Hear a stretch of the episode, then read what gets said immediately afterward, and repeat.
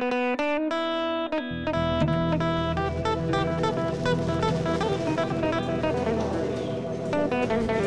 are lentil mushroom polpettes with a Thai basil pesto and a butternut squash cream with some toasted sage.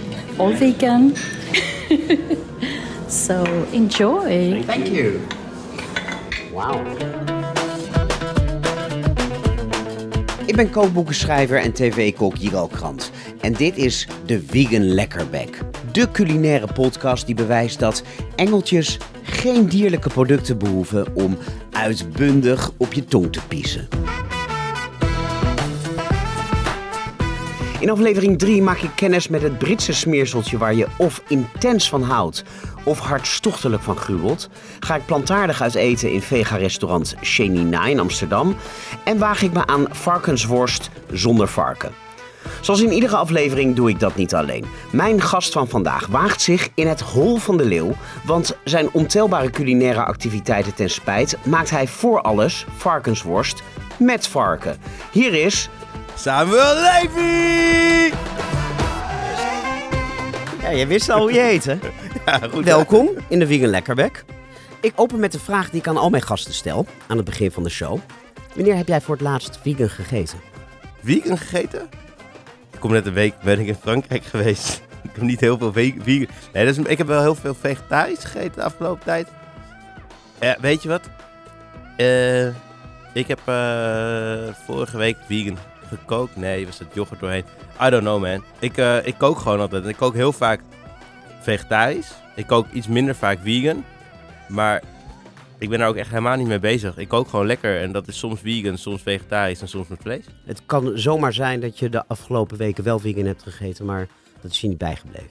Nee, nou ik heb een hele lekkere tomatensoep met miso gemaakt. Daar zat zeker geen vlees of vis of vee. Nou ja, dus- Toevallig het recept uit het Parool van afgelopen weekend. Nee, wat dan? Nou ja, dat was mijn recept voor tomatensoep met miso. Oh ja? Nou, nice. Nee, ik had met miso en eekhoorntjesbrood een soep gemaakt. Oh, ik zag trouwens wel je recept, ja. Toen dacht ik nog van, dat is grappig, want dat heb ik net gemaakt. Zoiets. En ik had zelf heel lekkere erwtensoep gemaakt met gerookte aubergine. Met splitterwten. En die was dus vegan, behalve dat ik toen besloot dat het nog lekkerder was met een klein beetje Griekse yoghurt eroverheen. Maar er staat dus in Huizenleven niet elke avond worst op tafel. Nee, ons uitgangspunt is dat we door de week vegetarisch proberen te koken. En wat is daar de gedachte achter? Nou, dat we niet elke dag vlees moeten eten. Maar waarom moet dat niet? Eh, ik kan echt een heleboel redenen bedenken waarom het geen goed idee is. Maar zoals dat het denk ik voor bijna alles geen goed idee is om het elke dag te doen. Dus we drinken in principe door de week geen alcohol en we eten in principe geen vlees. En gisteravond stonden wij op een borrel en heb ik een biertje gedronken. Dus soms, soms breken we die regels ook weer. Ja, en we gaan het vandaag ook weer breken, want de Wing Lekkerbek is de enige podcast, daar gaan wij prat op, met een eigen sommelier. Normaal introduceer ik die wat later in de uitzending, maar laat ik het maar nu meteen doen. David Oranje, Hi, jij bent wijnhandelaar bij Wijnhuis Amsterdam. guilty as charged. De allerleukste wijnwinkel van Amsterdam. Ik heb in mijn leven meer wijnwinkels versleten dan meisjes, maar ik durf wel te zeggen dat ik sinds een, nou wat is het, een jaar, mijn wijnwinkel voor het leven heb Ik ben gevonden. nu wel echt heel erg benieuwd of dat meer zegt over hoeveel wijnwinkels of hoeveel meisjes je hebt versleten. Ik had eerst bedacht dat ik als bijzin zou zeggen dat zegt meer over de meisjes dan over de wijnwinkels. Nee, dat valt wel mee. Het is redelijk in evenwicht. Maar na veel wisselende wijncontacten heb ik dan nu wel de ware liefde gevonden. En dat is dus Wijnhuis Amsterdam. Met een punt in het midden. En dat ik zo als een blok gevallen ben voor jullie wijnwinkel, komt deels door jullie assortiment. Jullie zijn gespecialiseerd in natuurwijnen. Ja, wij noemen het umlautwijn. Dus Uit wij noemen Oostenrijk. onszelf Duitsland. Nou, Duitsland, Oostenrijk, Zwitserland. Overal waar ze rare leestekentjes gebruiken om hun druifjes aan te duiden, daar importeren wij wijn uit, min of meer. Doen jullie Scandinavische wijnen bij wijze van spreken? Daar hebben ze een heleboel gekke leestekens. Of is dat dan... eh, Dat klopt, daar hebben ze wel leestekens. maar geen wijn? Wat minder interessante Ja, wijn, ja, zou ik maar zeggen. Nee, het zijn echt de Duitsstalige Ja. gebieden. Grotendeels Duitsland, maar ook Oostenrijk. Eh beetje Zwitserland, omdat die jongens houden niet zo heel veel Nee. van exporteren. Umlaut, wine. Ja, we gaan straks eentje proeven. Voor je heb je een fles staan ingepakt in theedoeken. Misschien om hem koud te houden. Maar misschien ook om te zorgen dat wij niet zien welke wijn het is. Nee, dat is op verzoek van Samuel. Ja, ik Dus, wilde eh, blind. Ik dacht, leuk. Dan kunnen we een beetje, voordat we weten, kunnen we een beetje gissen. Ja, Kijken hoe fout we gaan. Dus we gaan eens even kijken wat onze worstmaker van wijn weet. Ja, en het leuke is van natuurwijn dat het ook eigenlijk altijd vegan is. Normale wijn, laten we het conventionele wijn noemen, wordt vaak geklaard. Dat doe je met eiwit. In andere gevallen is het ook vissenblaast. Ja, we moeten even eh, daarbij zeggen dat klaren van de wijn zorgt dat de wijn die altijd van zichzelf troebel is, helder wordt. Ja. Mensen vinden dat fijn Ja. als ze toasten, dat ze door het glas de ander kunnen zien. Dat kristalheldere fonkeltje, wat mensen zo prettig vinden als je in je, je glaasje Sauvignon of zo aan het kijken bent, dat komt door dat proces. Wijn is natuurlijk van druiven, dus het product aan zich is vegan. Maar bij de bereidingswijze worden wel dierlijke producten gebruikt.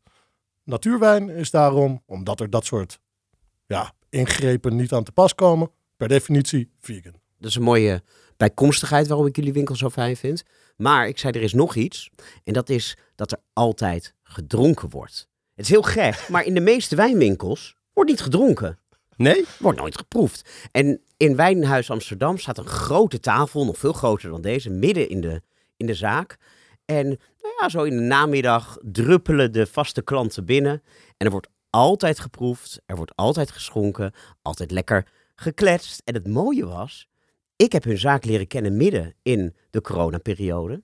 En toen had je die lockdowns. Alle cafés waren dicht, maar zij waren een essentiële winkel. En dus ging ik in de namiddag naar hun toe. Om daar toch een beetje op café te gaan.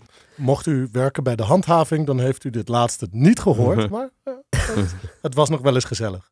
En Ja. is nog steeds gezellig. Nee, en het is nog steeds gezellig. En het is ook gewoon heel slim. Want ja, uiteindelijk schenk je wat wijn die niet verkocht wordt. Maar ik merk aan mezelf dat ik er alleen maar meer van ga kopen. Ja, nou, wij weten natuurlijk dat we redelijk aparte wijnen doen ook. Ik kan er wat over vertellen, maar het helpt natuurlijk veel meer als je mensen gewoon ook een glaasje kan inschenken. En mensen vinden dat leuk. Het is ook gewoon een sociaal smeermiddel. Zeker met zo'n tafeltje, nou, muziekje aan, een beetje babbelen. Men, je laat mensen wat wijnen proeven. Op basis daarvan kan je ook beter vaststellen wat mensen hun smaak is. En ze dus ook beter helpen. Dus zeker, ja, ik wil dit gerecht eten. Nou, prima, proef dit, proef dat. Wat voor soort hoek zit je aan te denken? Waar hou je van? Hoe funky wil je het hebben? Het helpt. En het, wij vinden het zelf eigenlijk ook gewoon wel lekker en leuk. Een glaasje drinken op zijn tijd. Ja, dus Sam, als je een wijntje wil kopen en je wil je blijven houden aan je voornemen om niet te drinken, dan raad ik je met klem aan om een andere wijnwinkel te kiezen. Of in het weekend. Ja, zijn jullie ook open in het weekend? Wij toch? zijn eh, zeker ook open in het weekend. Nou, eh, Sam, voordat ik naar jou eh terug ga, want jij bent natuurlijk de hoofdgast, eh, wil ik toch wel even iedereen bedanken die de Vegan Lekkerwerk het voordeel van de twijfel heeft gegeven. Vandaag zijn we vijf dagen online en er is echt al belachelijk veel geluisterd. Bedankt daarvoor. Veel positieve reacties gehad. Gisteren ontmoette ik tijdens een eh, boekpresentatie een, ik mag inmiddels zeggen, collega-podcastmaker Jeroen Doucet van Wat Schaft de Podcast. Die was ook voornamelijk positief. Maar hij vond ook wel dat ik een beetje moralistisch uit de hoek kwam en af en toe met mijn vingertje wees. En het antwoord dat ik hem gisteren gaf, wil ik hier nog wel even herhalen. Want er zullen zeker luisteraars zijn die dat ook vinden. Ik probeer als interviewer prikkelende vragen te stellen. Dat zorgt voor een goed gesprek. Zo kom je bij iemand binnen, portretteer je iemand mooi. Ja, ik ben van huis uit journalist en gewend om mijn slachtoffers kritisch te benaderen. Maar dat moeten luisteraars, of ik hoop dat luisteraars dat niet verwarren met moralisme of met missiedrang. Dat zou ook totaal misplaatst zijn, want ik ben zelf ook niet zuiver op de, ka eh, op de kaas, wil ik zeggen. graad. Maar ja, de Freud is nooit ver weg. Ik ben ook niet zuiver op de graad. Dus maak je borst maar nat. Is goed. Ik heb net eh, op de fiets al flink hard gefietst, dus mijn borst is al een beetje zweterig. Hey, het is niet gemakkelijk om jou, Samuel, onder één noemer te vangen. Ik ken werkelijk niemand die zoveel verschillende culinaire activiteiten ontplooit als jij. Vreemd genoeg heb je geen eigen Wikipedia-pagina. Ik dacht vanochtend, nou lekker makkelijk, dan kan ik eh, daar mijn informatie vandaan halen. Maar het is misschien ook wel logisch, omdat niemand zich eraan waagt om alles te gaan opschrijven wat jij hebt gedaan. Op je eigen website stel je jezelf voor als worstenmaker, chef, columnist. En die kende ik nog niet. Business coach. Ja, dat heb ik ooit een... eh, dat zou ik eigenlijk weer een keer af moeten halen. Oké. Maar ik heb een tijdje jonge ondernemers en dat doe ik nog steeds. Ik heb eigenlijk altijd wel een paar jonge ondernemers die ik coach. En op een gegeven moment dacht ik, waarom zou ik daar niet ook gewoon geld voor gaan vragen? En toen heb ik dat even gedaan en toen dacht ik, vind ik ook helemaal niet leuk. Dus Nu doe ik het nog steeds, omdat ik het gewoon tof vind als mensen met vette dingen bezig zijn. En ik denk heel vaak van, ik heb al die stappen ook meegemaakt, dus dan kan ik ze daar iets over meegeven. Maar ik vind het leuker om er geen geld voor te vragen dan er wel geld voor Maar te goed, vragen. mocht er iemand luisteren die af en toe Wikipedia-pagina's opstelt, dit hoeft er dus niet op. Nee, maar er moet wel gewoon een Samuel Levy-pagina komen. Kom nou. Maar naast die vier dingen die ik net noemde, ken ik je ook als kookboekenschrijver. Ja. Van kookboeken voor volwassenen, maar ook voor kinderen. Ja. Heel leuk. Als kombucha-brouwer. Als initiatiefnemer van Food Cabinet, een denktank die zich richt op een duurzamer voedselsysteem. Ja, campagnebureaus zou ik zeggen. Maar duurzaamheid is daarin heel belangrijk. ja, duurzaamheid, ja zeker. oprichter van Slow Food Youth Network. Ja. Een beetje hetzelfde, maar dan met jongeren. Ja. En ik ben nog lang niet klaar. Je bent ook oprichter van Low Food, de Nederlandse variant van Slow Food. Met veel aandacht voor Ja, lokale producten. initiatief wat ik met Joris Beidendijk onder andere en Joris Lohman ben begonnen en Nadia Zerouali om vooral inderdaad aandacht voor eh, Nederlandse producenten, producten. En we organiseren een aantal evenementen en initiatieven door het jaar heen. Ja, een hele geëngageerde foodie ben je. En dan ben je ook nog eens een keer vader van twee kinderen. Twee dochters. twee dochters, getrouwd met een vrouw die erop staat dat je ook Alvast. je steentje bijdraagt aan het huishouden. Dat weet ik, omdat je daar ook weer een boek over hebt geschreven, samen met Ragna, je Ja. vrouw. Klopt. Samuel, ik word al moe van het opzommen. Ja. Nou, misschien moeten we gewoon over Marmiet gaan praten. Of niet? Daar, daar zijn we nog niet. Daar zijn we zeker nog niet, want ik wil het eerst toch wel even hebben met jou over jouw maatschappelijke betrokkenheid. Je, Ja. je, je profileert je heel nadrukkelijk als geëngageerde duurzaamheidsdenker. En ik heb een worstmakerij. Ja. Daar wil je het even over hebben. Ja, want onze huidige manier van voedsel produceren heeft een veel te grote impact op de wereld met alle klimaatproblemen van dien. Mhm. Daar is iedereen het wel mee eens. En dan is er één echte oplossing. Nou, er zijn denk ik heel veel oplossingen. En één daarvan is minder vlees eten. Nou ja, dat is de oplossing die verreweg de meeste zoden aan de dijk zet. En als vleesproducent draag je daar niet aan bij. Nee, dus we zijn, kijk, toen we Brand en Levi begonnen, dat is elf jaar geleden. Toen liepen we stage in Italië. En wat we daar zagen is dat er heel veel Nederlands industrieel gehouden varken naar Italië werd gestuurd. Levend werden die varkens op transport gezet. En werden verwerkt tot worst en vervolgens weer teruggestuurd naar Nederland. En we vonden het heel bizar dat er in Nederland eh, wordt heel veel varken gehouden. De- ik geloof dat er op ieder moment zo'n 12 miljoen varkens in Nederland eh, zijn. Ehm, maar dat er zo en dat, dat de waarde ergens anders wordt toegevoegd. En dat is dat voor heel veel Nederlandse boeren die op een andere manier varkens wilden houden, biologisch, kleinschalig, eh, met meer oog voor dier en omgeving, eigenlijk nauwelijks een verdienmodel is. Omdat in Nederland varkensvlees als niet waardevol wordt bestempeld. Dus elf jaar geleden, toen we met Brand en Leven begonnen, kwamen we terug naar Nederland, dachten we, we gaan dit anders doen. We gaan eigenlijk waarde toevoegen in Nederland. We gaan met kleinschalige eh, boerderijen samenwerken die op een hele andere manier met varkens omgaan eh, en naar, naar dierhouderij kijken, om zo ervoor te zorgen dat die een verdienmodel hebben. Dat was heel erg vanuit dierenwelzijn en duurzaamheid gedacht. Inmiddels heeft vlees, denk ik, nog veel meer dan elf jaar geleden eh, staat ter discussie van moeten we wel vlees eten en hoe, hoe gaan we daarmee om. Ik denk nog steeds, kijk, wij zetten ons nog steeds in heel erg voor het verbeteren van de veehouderij. En je kan een discussie hebben over moet je überhaupt dieren eten en passen dieren in een duurzaam voedselsysteem. Ik geloof serieus dat er plek is voor dieren in een duurzaam voedselsysteem, maar dat dat echt veel minder moet zijn, veel en veel minder. Ik heb niet een probleem met het eh, slachten van een dier voor consumptie. Dat, daar, daar, daar begint het eigenlijk mee, van waarom eet je geen vlees? Ja, maar ook biologisch. eh, nu kom ik dan met dat vingertje. Ja. Nee, dit is een kritische vraag. Kijk, ik wil best geloven dat de meeste varkens in Nederland het nog veel slechter hebben dan de varkens die eindigen in de worsten van Brand en Levi. Maar ook jullie varkens worden fabrieksmatig gefokt, worden op jonge leeftijd gedood. En dat gebeurt niet met zachte hand in een biologische slachterij, simpelweg omdat er geen biologische slachterijen bestaan. Ja. Ze gaan ook samengepropt op dezelfde veetransporten. Dus Ja, dit- maar dus, dus, dat, maar dus begrijp me niet verkeerd. Ik begrijp heel goed dat er mensen zijn die geen vlees willen eten om die reden. En ik respecteer dat ook. Ik kan, ik kan me dat heel goed voorstellen. Ik kan me ook voorstellen dat er een dag komt dat ik misschien denk van... hé, hey, ik wil ook geen dieren meer eten. Op dit moment denk ik dat vlees als onderdeel van een dieet niet zo gek is. Dat de mens dieren eet. En jij, jij zegt van kijk, al die varkens die worden niet zo oud als dat ze anders zouden worden. Die varkens die zouden hier helemaal niet rondlopen. Zeg maar, de, we hebben wilde zwijnen Maar dat varken wat eh, in de stal staat, dat is niet een beest wat ooit in het wild heeft rondgelopen. Nee, maar ik heb twee kinderen. Ja. En ik heb totaal geen medelijden met de twintig kinderen die ik niet heb gekregen. Want die zijn er nou eenmaal niet. Maar als ze geboren worden, dan moet je ze goed behandelen. Ja, maar, ja, dus daar, kijk ik anders naar. Ik denk dat we altijd als mensen hebben altijd dieren eh, als productiedieren gehad. En in het verleden gingen we daar, denk ik, ik weet niet of we daar vroeger beter mee omgingen, maar het is nu zo groot geworden dat ik daar heel erg mijn vraagtekens bij heb. Zeg maar de manier waarop we nu dieren houden en het feit dat die eigenlijk geen enkele andere rol in een voedselsysteem hebben dan alleen maar vlees produceren, daar zit denk ik een probleem. Dus waar, waar ik heel erg voor sta is kijken naar een voedselsysteem wat ecologisch duurzamer is. Of duur, ik zeg nu duurzamer, eigenlijk zou het gewoon helemaal duurzaam moeten zijn. Daarin denk ik dat dieren nog steeds een plek hebben. Dat het veel minder dieren zouden moeten zijn. Ik denk dat varkens eigenlijk perfect zijn om in de, in de buurt van steden bijvoorbeeld te houden. En dat je eigenlijk er naartoe zou moeten gaan dat je geen voer hoeft te verbouwen voor varkens. Maar dat varkens net zoals vroeger op gemengde bedrijven, dus boerderijen, de reststromen eten. Eh, en dat, dat je op die manier dan vervolgens wat dieren hebt die je kan eten.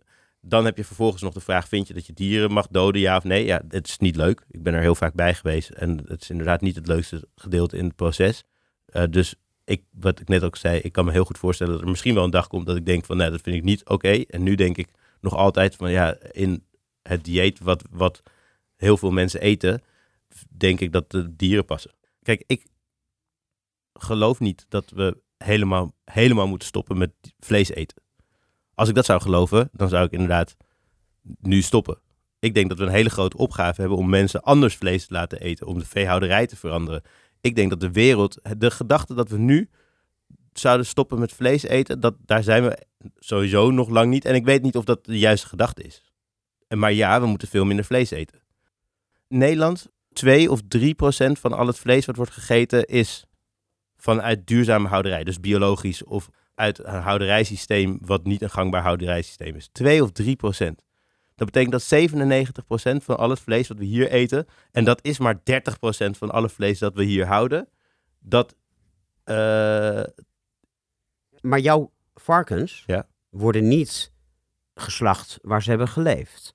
Die gaan ook op transport naar slachthuizen waar ze buiten jouw zicht wellicht met stroomschokken naar binnen worden gedreven. Dat gaat ook vrij grootschalig. Dus wat maakt het leven van jouw varkens nou zoveel beter dan dat van het gemiddelde varken? al onze varkens gaan naar buiten, sowieso. We hebben eigenlijk twee verschillende stromen. We hebben biologisch, dat Mhm. voldoet aan de biologische normen. Dus sowieso geen ingrepen qua staart snijden, whatever. Alle varkens moeten naar buiten. De moederdieren kunnen naar modderpoel, kunnen naar buiten. Dus dat is een hele grote plus op bijna alle varkens die in Nederland leven. Dan hebben we nog eens eigen boerderij, waar de varkens alleen maar buiten leven. Of in een bos of in het weiland, in hutjes, in hun, in hun eigen groepen blijven. Dat is voor mij zijn de mooiste varkensboerderijen van Nederland. En die hebben in mijn ogen inderdaad ongeveer het beste leven wat je kan hebben op een boerderij. En op een gegeven moment worden ze opgehaald en worden, gaan ze wel naar de slacht. En daar kan je van zeggen van, hé, hey, dat vinden we verschrikkelijk.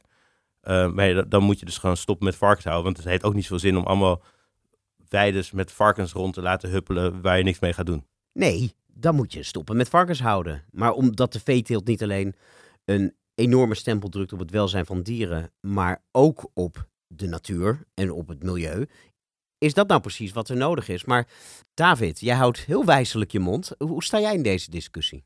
Ja, ja de, ik ben een redelijk overtuigd vleeseter. Overtuigd vlees eten. Of, nou ja, ik ben, ik ben niet mordicus tegen het eten van dieren. Um, ik ben wel groot voorstander van bijvoorbeeld het feit dat als je vlees eet, dat je een keer in ieder geval zelf gadeslaat hoe een beest geslacht wordt. Ik heb dat in Bosnië ooit zelf een keer mogen doen. En dat, dat verandert wel echt je kijk op het doden van dieren. Ja.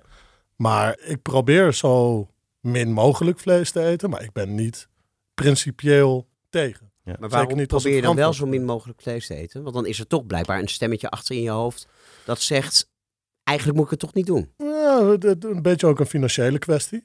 Nou, Ehm, vlees is hartstikke goedkoop. Absoluut, maar dan hebben we het vooral over natuurlijk de kilo-knaller gehakt dingen. Die, die, ik word daar niet heel vrolijk van. Ik hou toch wel van, ja, ik zit ook in de natuurwijn voor een reden. Als ik vlees eet, dan moet het toch wel echt biologisch zijn. En daar hangt een prijskaartje aan. En ik was, nou ja, kleine krabbelaar in de wijn. Eh, weet je, ik zou best graag elke dag een mooie biologische entrecote willen aanschaffen bij de goede slager. Maar dat zit gewoon helaas niet altijd in het vat. Ik had nu bijna een brand- en leefworstje tevoorschijn Nou ja, ik getoverd. ben groot liefhebber van de man. maar dat gaan we niet doen.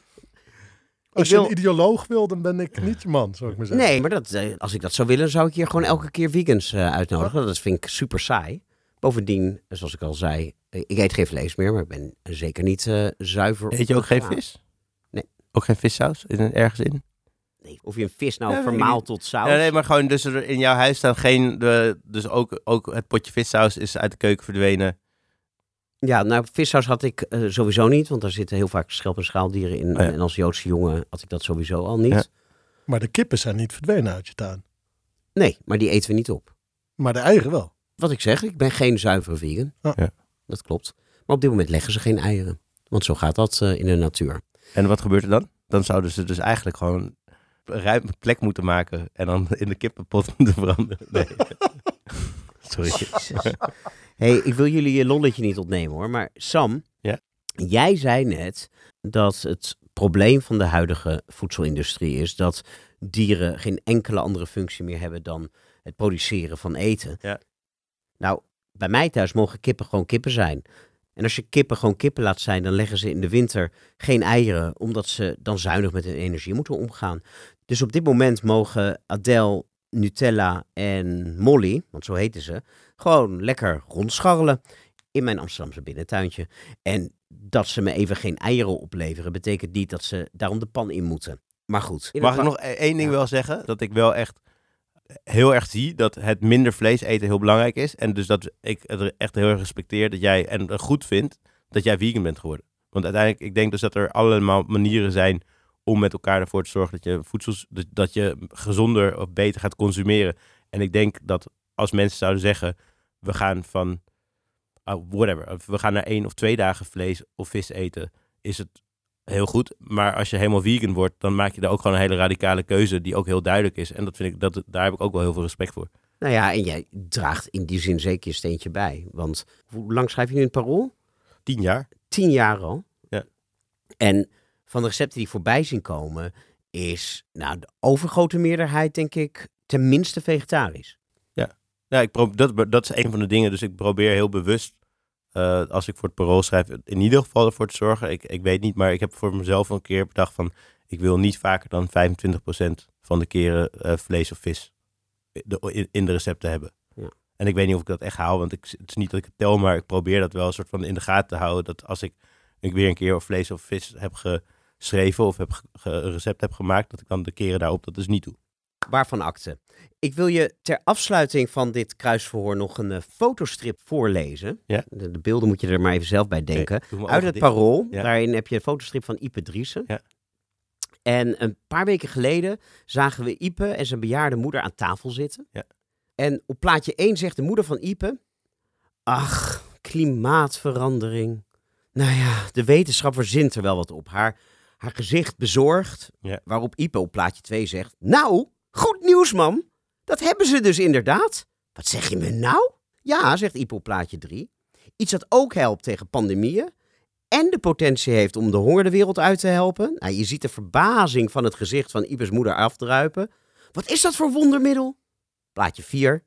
Vleesvervangers, mam. Waarop zijn moeder reageert met, oh, die flauwekul. Dat is een beetje het gevoel dat ik kreeg. Jij bent helemaal bezig met duurzaamheid en hoe kunnen we het voedselsysteem veranderen om nou, die winst te pakken. Het is er al lang, Sam. Het is er al lang de oplossing. Er zijn heel veel verschillende oplossingen. Ik denk dat het minder vlees eten of andere eiwitten een belangrijk onderdeel daarvan is. En ik denk, ik zou, sluit ook niet uit dat we bij Brand de Levi op een gegeven moment, als we de lekkerste vegetarische worst ooit maken, dat dat een belangrijk onderdeel van ons assortiment gaat worden. Kijk, die vraag had ik nog liggen voor straks als we het gekke rare wing ding gaan proeven. Ja. Maar eh, daar kom ik dan straks. eh, Ik ben echt heel benieuwd. Nog- Ik heb net echt op weg hier naartoe, had ik dus een vegan worst mee. Of die had ik net geproefd. En ik dacht, ga ik hem meenemen? Maar hij was zo ranzig, dat ik dacht, nee, dat ga ik niet doen. En ik hoop dat jij nu iets lekkers hebt. ik hoop niet dat het hetzelfde is. Welke is het? Hij kwam bij de Jumbo vandaan. Die van mij ook. Oh ja. Oh. Uh-oh. Oh, je hebt hem al gezien. Nee, nee, nee, Nee? in zo'n groot kartonnen ding. Welke kleur? Groen. Geel. Ik ben benieuwd. In het eerste deel van de Vegan Lekkerbek, na een lange, lange aanloop vandaag, gaan we de diepte in over één gerecht, ingrediënt of product. Jij hebt mogen kiezen en jouw keuze is gevallen op een echt Brits product. Marmite. Ja, ik liet het jou zeggen, want ik wist niet of we gaan we nou Marmite of Marmite zeggen. En, eh, eh, wat je wil. Ik zeg Marmite. Dan zeggen wij Marmite. Maar je mag toch in Nederland... We zijn in Nederland, dus je mag ook Marmite zeggen. Ja, maar is Marmite in het Nederlands Marmite? Weet ik niet. Ik ken het ook alleen maar als Marmite. We zeggen gewoon Marmite. Ook omdat jij een Britse moeder hebt. Ja. Je bent geboren in Oxford. Ja. Ben je opgegroeid met Marmite? Ja, dat is echt gewoon het ding wat eh, eigenlijk iedere dag op brood... Zeg maar, als ik bij mijn neef en nicht logeerde, dan was het geroosterd wit brood, boter, Marmite. Marmite wilde ik zeggen, maar Marmite. Ja, zou het ook lekker zijn met plantaardige boter? Ik denk beter met plantaardige boter dan met olijfolie. Mijn moeder deed het op kaas. Ja, Beschuitje, precies. En ook- kaas, Marmite erop. Ja. Direct jeugdtrauma. Ja? Echt waar? Ja, van niet te nassen dat speel. Dus, Ja, eh, ik had dus vroeger een trucje, een leuk, een leuk spelletje. Want dan, we hadden altijd kinderen over dan toen we in Nederland op een gegeven moment woonden. En dan kwamen we op, na de, tijdens de basisschool kwamen kinderen bij ons eh, lunchen. Want wij lunchten altijd thuis, hoefde, want we hadden een oppas. En dan liet ik kinderen dat op hun brood smeren. En met een soort van grap dat het een hele lekkere appelstroop was. eh, daarom, het, het ziet er ook verraderlijk lekker uit. Echt maar, een kutstreek. zo, ja, zo proeft het dan weer niet. Nee, nee, ik vond het heel erg leuk om het over Marmite te gaan hebben. Omdat het ook een, een smaakmaker is. Ja. En het grappige is, het potje, ik pak even het potje erbij. Hier staat voorop vegan spread. Ja. Maar google het maar eens. Op het etiket een jaar of vijf geleden stond. Vegetarian spread? En aan de inhoud is bij mij weten niks veranderd. Er zit nog steeds dezelfde Marmite in. Waar je dus of onvoorwaardelijk van houdt zoals jij Sam. Of intens van gruwelt zoals David. Maar de fabrikant probeert blijkbaar een slaatje te slaan uit de hedendaagse vraag naar vegan producten. Veganistisch is het nieuwe vegetarisch. Mag we eens kijken? Je ruikt eraan. Ja, ik vind het dus eh, heerlijk. Godzijdank. Dat wordt nog wat. Wat vind je er lekker aan ruiken? En wat vind jij er vies aan ruiken? Ja, het is gewoon, eh, voor mij ruikt het echt gewoon naar eh, ontbijt. Het jeugdsentiment. Ja, jeugdsentiment, maar het heeft ook een soort van volheid. Is van gist gemaakt, hè? dus het ruikt ook wel echt een beetje gistig. Ja, heerlijk. Weet je wat ik echt voor mij, waarom ik denk ik Marmite ook echt heel lekker vind? Een van de allerlekkerste dingen die er is, is zeg maar als je, eh, en dan komen we toch bij vlees terug. Als mijn moeder vlees had gemaakt, in het weekend hadden we altijd Sunday roast. En dan, als je klaar bent, dan zit er onder in de pan, zit er nog wat van die bruine, plakkerige, ja, dat is een beetje wat er overblijft De aankoeksels. de aankoeksels. En dat heeft iets heel vleesig, iets heel vols. Maar dus Maar je zou ook een kip, nu wil ik geen recepten voor dieren hier in de podcast geven, maar kunnen insmeren met Marmite. zeker. Want Maar dat is waarom ik het zo leuk vond ja, om het erover te hebben. Behalve dat je het op je cracker of op je brood kan smeren, is het ook echt een smaakmaker. ja. Waarmee je plantaardige gerechten een umami boost kan geven. Dus dat wilde ik nou net gaan zeggen. Dus ik, het geeft heel erg die volle umami diepte. En dus als je vegetarisch kookt, voor mij heb je eigenlijk een aantal ingrediënten waar je een soort van boost mee kan geven aan je groente of zo. De belangrijkste die ik echt gebruik zijn marmite, miso en sojasaus. En Ja. dus als ik een soep maak of een vegetarische jus, ik heb echt een, een waanzinnig recept voor een vegetarische jus, waar ik dan... Zou je die kunnen veganizen? En- Oh, die is vegan. oh, dus net zoals op het potje waarop stond dat het vegetarisch was, terwijl het helemaal vegan is. Ja. Mogen we het recept op de site zetten? Eh, ja, Op de site, dan bedoel ik de Instagram pagina, Ja. de vegan lekker. moet ik, ik moet hem even opzoeken. Ik heb hem echt op mijn Instagram. Maar het is een, van knolselderij, marmite, eh eekhoorntjes, brood. En dat is gewoon letterlijk alsof je gewoon een hele dikke kalfsjus hebt. Echt lekker. Fondachtig, hè? Ja, het is echt gewoon- ja. Ja, ik heb er vanochtend voor het eerst mee gekookt. Ik heb een aubergine en paddenstoelenbruschetta gemaakt, waarin ik normaal miso gebruik als umami smaakbom. Maar nu heb ik, dankjewel, dit is Quinty. Top, dankjewel. Quinty. Quinty komt ons drie borden brengen met daarop twee kleine bruschetten. Ja. En de ene heb ik, zoals ik normaal doe, met miso op smaak gebracht. En de ander is met marmite. Wil je het blind doen? Nou, je kan gewoon zien welke met Marmite is. Hè? Nou, eentje lijkt wel iets donkerder. Ja.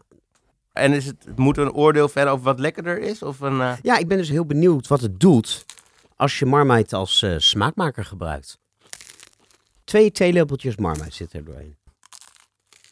Ik heb nog geen klachten gehad over het smakken in de, maar moet toch? in de uitzending. Nou, misschien moeten we toch even een beetje weg van de microfoon. Ik denk toch dat ik die met miso lekkerder vind. Ik ook. Ik ook. Ja. Ik ook hoor. Het is een beetje zuurig of zo. Het heeft wel smaakdiepte. Doe me een beetje denken aan vissaus op de een of andere manier ergens. Ja. Weet je waar, waar ik aan moet denken? Aan ehm, slakken. Snap ik. Dat heeft het ook. Bij die dat met Marmite. gronderige aard. eh, En knoflook, maar er zit natuurlijk gewoon veel Er knoflook zit ook in. gewoon knoflook in. Maar jongens, kijk nu al een half uur naar een sommelier met een fles wijn voor zich. Ah, Jij hebt iets meegenomen wat bij Marmite als smaakbom past. Als het goed is. Mag nog heel even, terwijl jij die wijn opmaakt. Ik denk dat, die, dat miso toch wel iets meer zoetigheid in zich heeft. En dat in dit geval dat wel eh, lekker is voor de balans. En bij... Oh. Kijk, dat is een mooi geluid. En bij wat voor gerecht zou je dan wel voor Marmite als smaakmaker kiezen? Nou, kijk, ik denk dat het hier ook best wel goed bij gaat. Ik denk alleen dat de miso nog lekkerder is. Dus ik denk dat als je dit nu niet naast elkaar had geproefd, dat we hadden gezegd, oh, dat is prima lekker.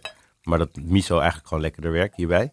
Ehm, waar het lekker, ja, dus het, het is in heel veel dingen gewoon wel eigenlijk wel lekker. Dus als je het soort van mengt met appelstroop en eh, je worteltjes besmeert en die roostert, geeft een soort van diepte die gewoon lekker is. Eh, ik vind het heel lekker met boter, maar dat is niet vegan. Maar waarschijnlijk als je met een plantaardige boter mengt, in, in een saus monteert of zo, dat geeft ook echt diepte aan de gerechten. Nou, je zei dat die saus van jou vegan was. Ja.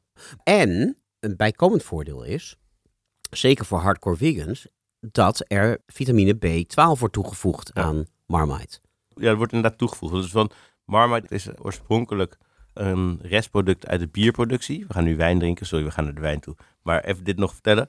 Van gisten die overbleef, werd Marmite gemaakt. En daar zit wel vitamine B in, maar niet B12. Dus B, die B12 wordt toegevoegd waarschijnlijk ook omdat het voor vegans een goed idee is om B12 binnen te krijgen. Dus waarschijnlijk sinds ze erop zijn gaan zetten dat het een vegan spread is, zijn ze waarschijnlijk ook B12 gaan toevoegen. Heel slim. Ja, wijn. wijn. Wat drinken we erbij, David? Ja, dat is de vraag. Ik heb iets meegenomen wat nou ja, niet alleen bij de Marmite goed zou moeten passen, maar ook bij de paddenstoelen die erbij zouden moeten zitten.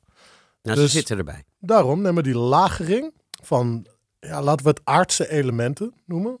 Dat zou, als het goed is, zou dat heel goed bij deze wijn moeten gaan. Dan zou je normaal aan een Pinot Noir denken. Speetboekender. Dan zou je gelijk hebben. Dus eh, ik heb een Pinot Noir Speetburgunder. Ja, want voor de luisteraars die dat niet weten, de druif die in Frankrijk Pinot Noir wordt genoemd, heet over de grens in Duitsland Spätburgunder. Mooie leestekens uit Duitsland. Was ook meteen wat ik dacht toen ik dit eh, rook. Dat- Je had hem goed. Jongens, voordat we gaan proeven, eerst een hapje van de, van de bruschetta. Mm. Mm. En dan afblussen met de wijn. Lekker. Mm. Het heeft iets een beetje Beaujolais-achtige, zeg maar een, een natuur Beaujolais, maar ook de, ik, als ik inderdaad moet aan Duitsland denk, zou ik meteen Speetboekender roepen. Uit de Moezel, dus redelijk noordelijk. Ja. Jonge, nogal maffe natuurwijnproducent. Ongefilterd, ongeklaard, dus vegan.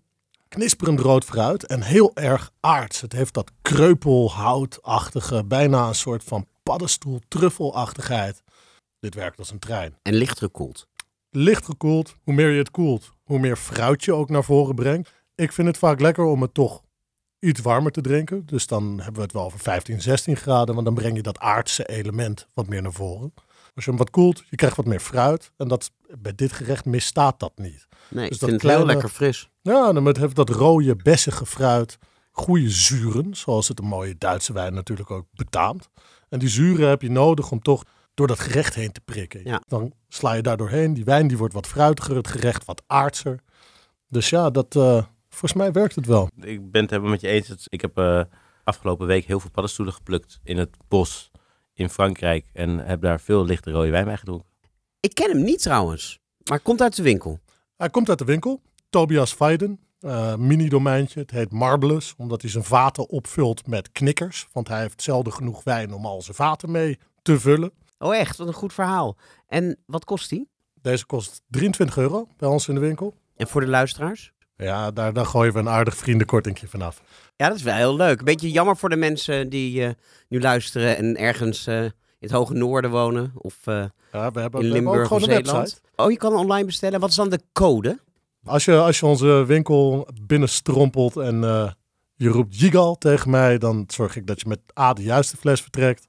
En B dat er, eh, dat er wat vanaf getikt wordt. Ja, de vegan lekkerbeek volstaat ook vast. Dat mag ook. Dan weet ik ook wel waar het over gaat.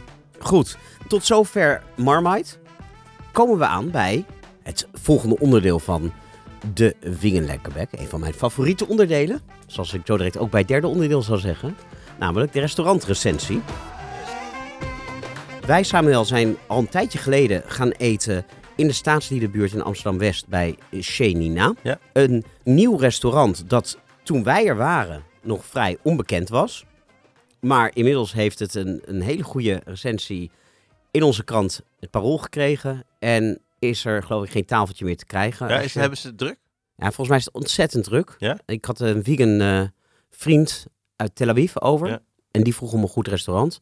Dus omdat ik Nina nu inmiddels een beetje ken, want ze is naar onze tafel gekomen. eh, Ze is ontzettend bescheiden persoon. Terwijl ze, geloof ik, 122.000 volgers op eh, Instagram heeft. Een kookboek heeft geschreven waar ze er nou, 100.000 van heeft verkocht. Maar ze kwam naar ons toe alsof eh, en Jotte Montelengi en Jamie Oliver waren komen Ja. eten. Ik heb haar een beetje leren kennen. Ik heb haar nummer. Dus zo kon ik nog wel regelen dat mijn vriend Isaac en zijn vriendin daar eh, terecht konden. Maar het zat helemaal vol. Toen Wat- wij er waren was het helemaal leeg. Ja, nu waren we er wel voor de lunch. Hè. En dat blijft in de Nederlandse gastronomie eh, een beetje een ondergeschoven kindje. Ja. Dus ik weet niet of het nu drukker is eh, met de lunch. Maar ja, dat het stil was kan je ook horen. Want ik verstop altijd mijn microfoon in een of andere plantenbak. Zodat we hier in de studio de sfeer van het restaurant dat we bespreken kunnen oproepen. Maar we komen daar niet eh, per se alleen voor de gezelligheid, maar ook voor het eten. Wat vond je ervan? Ehm, ik, ik heb heel lekker gegeten. Er waren een paar gerechten die ik echt, echt waanzinnig vond. Er waren een paar gerechten waarvan ik dacht, dit zou echt, echt ook wel veel lekkerder kunnen. Dus er waren ook wel wat dingen waarvan ik dacht, nou, dit, eh, het idee is leuk, maar de uitvoering is wel een stukje minder. Had je het gevoel dat je gemankeerde gerechtjes had te eten? Het is natuurlijk een vegetarisch restaurant. Ja. En wij kregen alles vegan. Ja. We zijn niet de enige, zo profileert ze zich ook Ja. wel. Maar had je het gevoel dat ja, we vegetarische gerechten zaten te eten waar één of twee ingrediënten uit waren gehaald? Nou, misschien wel, want wat me opviel is dat er best wel wat gerechten achter elkaar kwamen waar dezelfde ingrediënten in terugkwamen. Mhm. Dus ik had een beetje het gevoel dat er misschien af en toe iets ergens op was gegooid omdat er iets anders af was gelaten. Dat weet ik niet zeker, want ik heb niet ge- verder gekeken naar wat de kaart was, hoe, hoe de- wat de gerechten waren geweest als we niet de vegan versie hadden gehad. Mhm. Ehm, overal, wat ik net zei, er waren een aantal dingen die ik gewoon niet zo heel goed begreep waarom dat op een bepaalde manier was gedaan.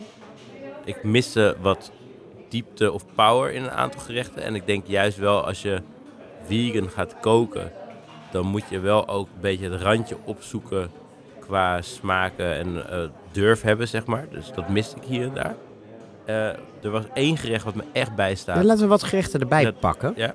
We begonnen met een soort bloemkoolpakora Ja. met een sausje. Ja. Ik weet niet meer wat het sausje was. Volgens mij Madame Jeanette mayonaise. Ja, dat was het inderdaad. Ja, de bloemkool die miste power. Dus de, je had een, Die miste zout. ja, die had, dus aan de buitenkant was er een smaakvol korstje, weet ik nog. Had misschien nog wat knapperiger en wat heter gekund. Dus het wa- kwam aan tafel. Misschien hadden wij al te lang zitten lullen, maar voelde alsof het net- al een beetje afgekoeld was.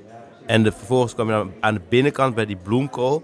En die had voor mij meer smaak van zichzelf mogen hebben. Dus gewoon dat je echt dan ergens inbijt wat smaak is. En nu had ik dat- het gevoel dat ik door de smaak heen beet en dan een soort van, ja, een beetje een lompe, smakeloze binnenkant terecht kwam. Mhm. Dus dat, dat, dat kan ik me daar nog wel echt van herinneren. Ja. Laat ik dan tegenoverstellen een gerechtje waar ik heel enthousiast over was. De pasta? Ja, klopt. Dat Ja, was, eh, Die was ja, waanzinnig. ja. dat was waren, uh, met- bucatini. Dat met- zijn hele dikke spaghetti eh Ja. slierten als het ware. Met pindasaus. Ja. En dan, nou ja, dan denk je van, wat is dat nou voor een gestoorde combinatie? Maar ik heb was dus al drie keer lekker. thuis gemaakt. Echt waar? Ik vond het echt heel lekker. En je hebt het dus ook plantaardig gemaakt thuis. Ja, nou, dat is niet helemaal waar, want ik had het met zelfgemaakte sambal gemaakt. En in mijn sambal is dat wel een beetje trassie. Oké. Maar, maar- eh, als ik een andere sambal had gehad... Ik heb verder... Wat ik had gedaan, en het zal niet zelf zijn geweest... was met een sambal die ik zelf had gemaakt met heel veel citroengras en limoenblad. Mhm. Eh, die sambal met wat eh, knoflook en shallot nog eh, opgebakken. En dat eigenlijk geblust met pindakaas en kokosmelk. En daar gewoon eh, mijn pasta doorheen. En vooral mijn dochter van vier, die houdt heel erg van pittig eten. Vond het helemaal waanzinnig. Nou, te gek. En een- En, en een ik loop al heel lang met het idee om dit ook te gaan nabootsen. Ja. Maar ben nog niet naartoe gekomen. Maar nu vraag ik aan jou, en je kan geen nee zeggen. Mogen wij het recept op de Instagram-pagina van de Vinger Lekkerbek zetten? Nee, we moeten gewoon even aan Nina het echte recept aanvragen. Dat is dan nog leuker. Oké, je probeert er vanaf te komen. Nee, dat mag wel. Ik kan, ik wil, je, ik kan je zo, ik wil het zo doen. Maar dan, het, ik denk dan is het niet nog leuker om even Nina te bellen en te zeggen... hey, laten we dan gewoon ook echt de real deal op de website. Ga ik doen. En als zij ertoe bereid is, Ja. want niet iedereen wil dat zomaar, Nee. dan zetten we die op de site. Als zij zegt, nou liever niet, dan Werk ik hem uit jou. en dan krijg je hem van mij. Maar dan mag ik hem ook in de krant zetten. Uiteraard, uiteraard. Ik was ook wel enthousiast over. Er waren van die kleine pizzaatjes met kokos, limoen, koriander, munt. Ja, dat vond ik een afknapper. Oh, echt? Ja. Dit mij een beetje denken aan manakish. Ken je dat? Nee? Dat zijn van die mollige platbroden. Een beetje zoals naan. Die in het Midden-Oosten worden gegeten. Een beetje als pizza. Maar dan belegd met zatar en olijfolie. Ja, ik, vond het, ik vind het idee heel leuk. Kan heel lekker zijn, maar hij was niet heet genoeg. Dus hij was niet knapperig toen hij op tafel kwam. Eh, er zat ook weer amand... de- eh, Ik vond gewoon de uitvoering... Daarvan dacht ik, hey, dit kan echt wel veel spannender en lekkerder zijn. Ja, wat ik wat minder vond was de Kyoja beat. Nu vind ik sowieso Kyoja beat. Ik begrijp nooit waarom mensen dat doen, behalve voor de Instagram, omdat het een leuk. Voor mensen die nu denken, wat bedoelt hij? Zou ik zeggen Chokja beat, maar dan gaan we weer een... eh, Dan heb jij aflevering 2 van de Vegan Lekkerbek niet gehoord. ja, is Dan het... hebben we het uitgebreid gehad over de juiste uitspraak van Kyoja? beat. Ja, de CH in het Italiaans is een K, net zoals Michelangelo, Chianti, Bruschetta. Oké, de Chokja. Maar is het een Italiaanse beat dan? Het is uit Chioggia. Chioggia ligt vlakbij Venetië. Mijn god. Zo leer je nog eens wat. En eh, voor de luisteraars, ik beloof, volgende aflevering gaat het niet over de Kyoja Beat. Maar we kregen dus een paar partjes uh, Kyoja Beat. Die werden geserveerd op een bedje van tahin, tahina. Wat hazelnootjes en koriander chiliolie. Ja. ja het, het, het werkte niet. Jij, vond het, jij, jij, jij was, had, was daar meer... eh, jij was daar kritischer over dan dat ik dat was. Ik vond het wel oké. Niet, niet, het was zeker niet het beste gerecht wat we aten. Maar ehm, Nou ja, dat kwam volgens mij vooral door haar keuze voor Kyoja Beat. Die gewoon veel minder smaak, veel minder power heeft dan een gewone ordinaire rode beet. En ik las in het parool dat ze die beet normaal serveert met een geitenkaascrème. In ons geval was dat uh, tahina, tahin. En ik denk dat het met zo'n geitenkaascrème misschien wel werkte. Maar tegenover tahina moet je echt wel wat meer power zetten. En ja, rode biet, tahina en hazelnoot, dat is echt een beproefde combinatie. Maar ik ben nu wel heel erg aan het mierenneuken, want overal was ik echt heel erg enthousiast. Ja. Dus maar ik- jij, wat, jij wat gematigd enthousiast. Ehm, nee, ik- kijk, ik vond het echt heel leuk. Eh, ik vond ook, wat ik echt leuk vond, is dat ze hun drankkaart vond ik echt cool. Dus uh, we hebben ook echt een hele lekkere cocktail gedronken. Ik weet wat jij daarvan vond, vond ik echt, vond ik echt waanzinnig. En een schuimige cocktail. Ja. Schuimig gemaakt, niet met eiwit. Maar met een nieuw... Wat, wat was het? Het was een vriend van jou, je bent ja, hem gaan ja, bellen ik ben toen. hem gaan bellen en inderdaad, eh, Julian had ik gebeld. Volgens mij was het een, eh, iets van een sap van een boom. Achtig, waar je een paar druppels, echt een vaag, vaag ingrediënt, maar wat Ja, lekker makkelijk. Als het vegan is, is het altijd van een boom of van een plant of van een struik. ja, nee, maar dat was het. Ehm, en, eh, dus ik vond de drankkaart leuk. Ik vond een paar van de hapjes echt, echt heel lekker. Dus ik zou er zeker... En een super sympathieke gastvrouw. en een super sympathieke gastvrouw. Sowieso gewoon sympathieke mensen. Ehm, alleen, voor mij mag het allemaal wat gewaagder.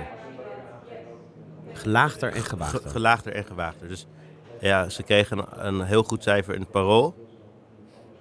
En ik gun het ze van harte. Eh, eh, na onze eetervaring had ik het een 7,5 gegeven. Maar het is nog steeds een dikke, dikke voldoende. Ja. Ga je er nog een keer eten? Ja, sowieso leuk. Gewoon, ik zou het heel leuk vinden om, om dan over een paar maanden weer een keer te gaan eten. Om te kijken van, ja, kunnen ze het nog een stapje... Weet je, we zijn ook best wel aan het begin gaan eten toen ze net open waren. Ik ben dan wel benieuwd van over een paar maanden kunnen ze het nog naar een hoger niveau trekken. Top. zijn we aangekomen bij het laatste afsluitende onderdeel. Het rare vegan ding. Ja. Ta-ta-ta-na-na. In het laatste deel van de Vegan Lekkerbek zetten we een raar vegan ding in de schijnwerpers. We bekijken, ruiken, voelen en proeven een vegan noviteit uit de supermarkt. En vandaag moest dat natuurlijk, ja daar komt hij, een vegan varkensworst zijn. Quinty komt ons weer een bordje brengen. In de Jumbo zag ik in het vleesvervangerschap worsten liggen die mij nog niet eerder waren opgevallen. Dit is, Sam, en het is dus niet wat je had geproefd. Nee, ik had droge worst vandaag geproefd. Oké, nee, dit is warme worst Die warme worst. van Heura. Heura.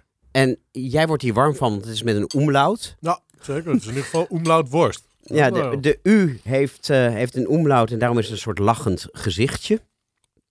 Moeten jullie hier ook van lachen? Dit is chorizo. En het komt ook echt uit Spanje. Ja, ik kan hier echt van alles van vinden. En roepen. Wil je het horen? Ja? Kijk.